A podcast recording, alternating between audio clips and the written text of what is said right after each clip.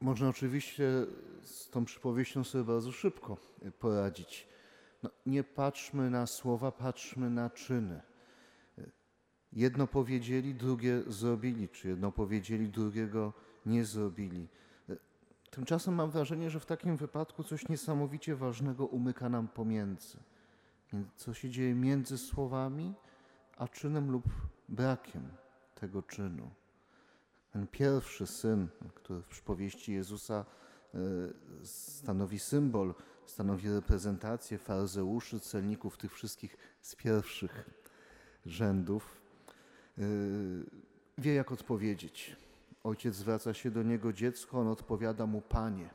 Nie ma, nie ma, e, jest maksymalnie poprawny, a nawet więcej niż poprawny w swoich słowach. Jest grzeczny, jest dobrze wychowany, wie jak postąpić, wie jakie słowa chce od niego usłyszeć ojciec, y, ale te słowa tracą jakiekolwiek odniesienia.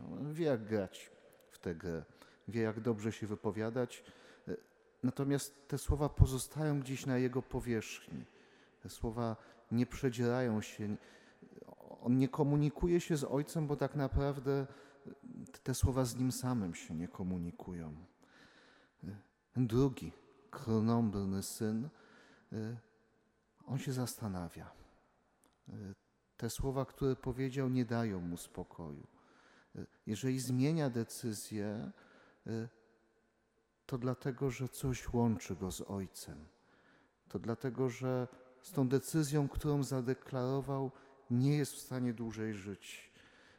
Stawia sobie pytania, podważa się, daje sobie szansę słucha, słucha swoich słuch, słucha ojca, bo ojciec dla niego coś znaczy. Bo ojciec nie jest partnerem w grze.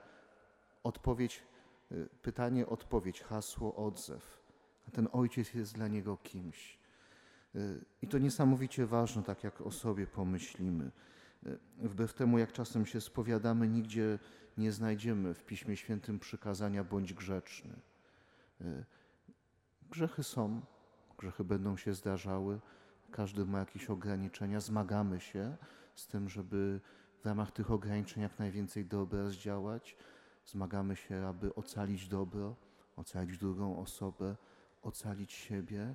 E, ale w życiu chrześcijańskim to wszystko nabiera sensu, to wszystko nabiera znaczenia, jeżeli jest w sposób żywy i konkretny odniesiony do Boga że ten dzień, który dzisiaj zaczynam, zaczynam z Tobą, Boże. E, I zaczynam nie dlatego, bo tak wypada, bo taką formułę się przyjęło, ale dlatego, że Ty jesteś dla mnie kimś. E, I podejmuję konkretny wysiłek. Uda się, nie uda, ale bo Ty jesteś kimś. Nie dlatego, żebym czuł się zadowolony z siebie, nie dlatego, że tak trzeba, nie dlatego, że tak wypada, albo Ty jesteś kimś konkretnym. No, nie, nie jesteś listą przykazań, ale jesteś konkretną osobą. I kiedy się do Ciebie modlę i raz wychodzi mi, raz mnie wychodzi, raz wiem, jak się pomodlić, raz nie wiem, jak się pomodlić, raz jestem jednym wielkim kłębkiem nerwów, plątaniną myśli, a to, to wiem, kto jest po drugiej stronie, więc w, wiem wobec kogo jestem. Daję sobie szansę. Traktuję Ciebie poważniej bo tak naprawdę siebie też wtedy poważnie zaczynam traktować.